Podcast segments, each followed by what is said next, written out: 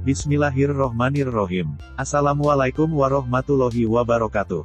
Selamat pagi, siang, malam, bagi sobat bisnis kapan pun dan di mana pun berada.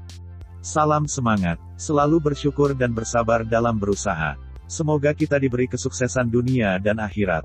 Pada kesempatan kali ini kita akan melanjutkan materi audio bisnis episode kedua, Anda sudah siap?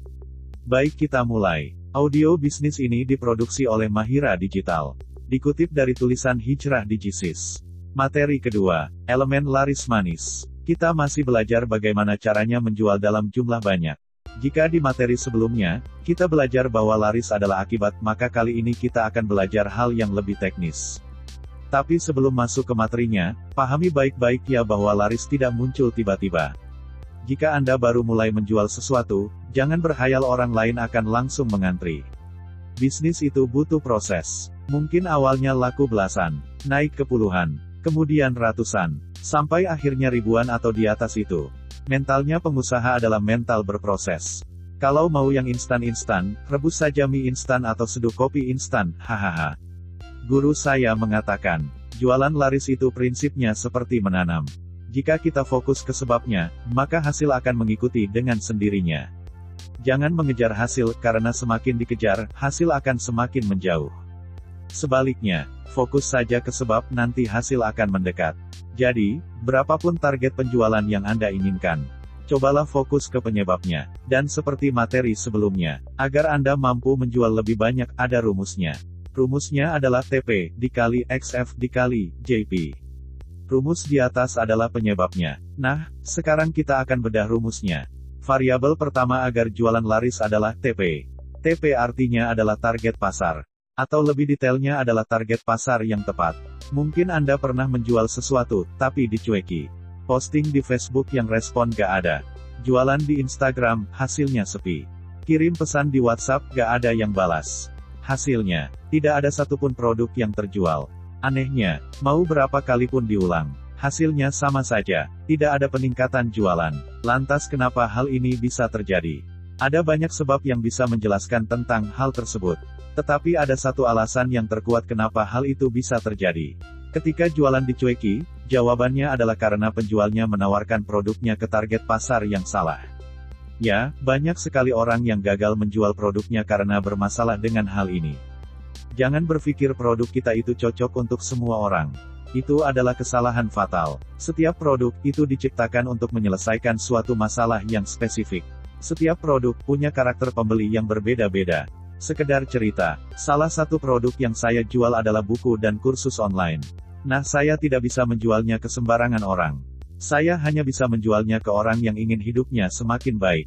Apa yang terjadi ketika saya menjual ke sembarangan orang? Ya rentan terhadap penolakan, kalaupun promosi kemungkinan besar akan dicueki. Hahaha iya kan. Produk saya punya target pasar spesifik. Sama, produk Anda juga seperti itu.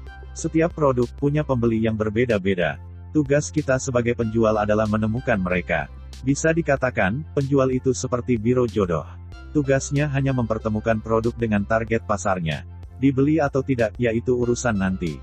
Tapi kalau produk disodorkan ke bukan target pasarnya, maka bisa dipastikan jualannya akan bermasalah.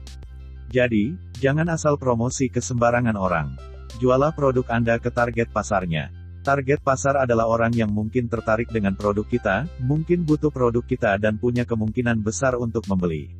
Sekali lagi, tugas penjual adalah menemukan target pasar yang akan cocok dengan produknya. Ngomong-ngomong soal menemukan, untuk menemukan sesuatu, maka terlebih dahulu kita harus tahu apa yang kita cari. Jadi jika Anda ingin menemukan target pasar Anda, maka pertama-tama Anda harus mengetahui siapa mereka. Bagaimana caranya mengetahui siapa mereka? Beruntunglah Anda ikut program ini, karena saya akan beritahu caranya. Untuk mengetahui siapa target pasar, Anda bisa menggunakan dua cara. Cara pertama adalah profiling. Cara kedua adalah reprofiling. Cara pertama profiling, artinya mendeskripsikan target pasar kita berdasarkan analisa pribadi. Ya, jadi Anda mengira-ngira siapa target pasarnya. Nah, agar deskripsinya tidak melebar, Anda bisa jawab pertanyaan di bawah ini. 1. Usia target pasar Anda, belasan, puluhan, 17-35 tahun misal. Atau berapa, nilainya harus spesifik. 2. jenis kelamin mereka, apakah laki-laki, perempuan, atau produk Anda cocok untuk keduanya. 3. Apa profesinya? Pelajar, pekerja, pengusaha, pengangguran, sarjana. 4. Status pernikahan, single, sudah menikah. 5. Apa hobi mereka, aktivitas yang mereka lakukan saat senggang. 6. Apa hal yang diminati mereka, yang membuat mereka tertarik. 7. Siapa tokoh yang mereka kagumi? Artis, motivator, penulis. 8. Apa sosial media favorit mereka? Facebook, Instagram, Twitter. 9. Apa aplikasi chatting favorit mereka? WhatsApp, Telegram, Line. 10.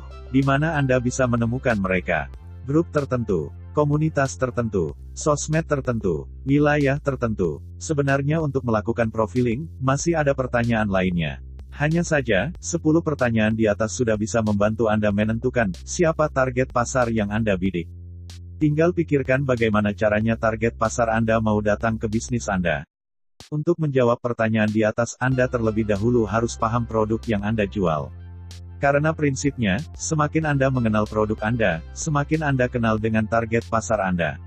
Perlu diketahui, karena cara pertama hanya mengandalkan analisa saja, maka kemungkinan besar analisa bisa salah. Oleh karena itu, jangan terpatok pada analisa pertama Anda. Sewaktu-waktu, melakukan profiling ulang agar bidikan target pasar Anda semakin tepat. Cara kedua untuk tahu siapa target pasar Anda, adalah dengan cara reprofiling. Jika dilihat dari segi keakuratan, maka cara kedua ini lebih akurat. Nah, bagaimana caranya? Begini langkahnya. 1. Surveilah pembeli lama Anda. 2. Jawab 10 pertanyaan tentang profiling di atas berdasarkan data pembeli lama Anda. 3. Mayoritas data yang muncul adalah target pasar Anda. Misal pertanyaan nomor 9, aplikasi yang sering mereka gunakan untuk chat mayoritas menjawab adalah WhatsApp, itu artinya WhatsApp adalah jawabannya. Begitu ya, sekali lagi, tentukan siapa target pasar Anda, sebelum mulai mempromosikan produk yang Anda miliki. Jangan berpikir semua orang akan membeli karena itu adalah sebuah kesalahan fatal. Semua orang bukan konsumen kita. Produk kita punya target pasar spesifik. Saya perlu tekankan, Jualan ke orang yang bukan target pasarnya, itu hanya berakhir capek, hehehe. Jadi jangan dicoba, hemat tenaga Anda dengan cara tawarkan produk Anda ke target pasarnya. Lalu apa yang perlu Anda lakukan sekarang? Pertama tentu saja mendeskripsikan siapa target pasar Anda. Setelah itu, jika Anda jualan di Facebook, isi temannya dengan target pasar Anda. Jika Anda jualan di Instagram, isi followernya dengan target pasar Anda. Jika Anda jualan di BBM, isi temannya dengan target pasar Anda. Jika Anda jualan di WA, isi kontaknya dengan target pasar Anda. Jika Anda jualan di Line Ad, isi pengikutnya dengan target pasar Anda. Jika Anda jualan di email, isi subscribernya dengan target pasar Anda. Jika Anda jualan di web, datangkan target pasar Anda ke web tersebut. Jika Anda jualan dengan cara offline, taruh toko Anda di sekitar target pasar Anda lalu lalang. Lakukan hal di atas, dan rasakan perubahannya ke penjualan Anda. Ngomong-ngomong, mau tahu gak cara mengisi teman Facebook kita dengan target pasar? Kalau Anda tahu caranya, maka jualan di Facebook akan lebih mudah loh. Anda mau tahu? Nanti, saya beritahu rahasianya gratis ke Anda kok tenang saja sobat bisnis. Saat belajar kita interaktif ya. Jadi ketika Anda respon, artinya saya tahu Anda menyimak. Dan dengan begitu, ilmunya mudah-mudahan cepat masuk. Jadi, balas pesan ini dengan ketik mau. Nanti, saya beritahu rahasianya mengisi teman Facebook Anda dengan target pasar. Sampai ketemu di materi ketiga, pada episode berikutnya ya Sobat Bisnis. Salam semangat, selalu bersyukur dan bersabar dalam berusaha. Semoga kita diberi kesuksesan dunia dan akhirat. Audio bisnis ini diproduksi oleh Mahira Digital. Dikutip dari tulisan Hijrah di Gisis. Walafu minkum. Wassalamualaikum warahmatullahi wabarakatuh.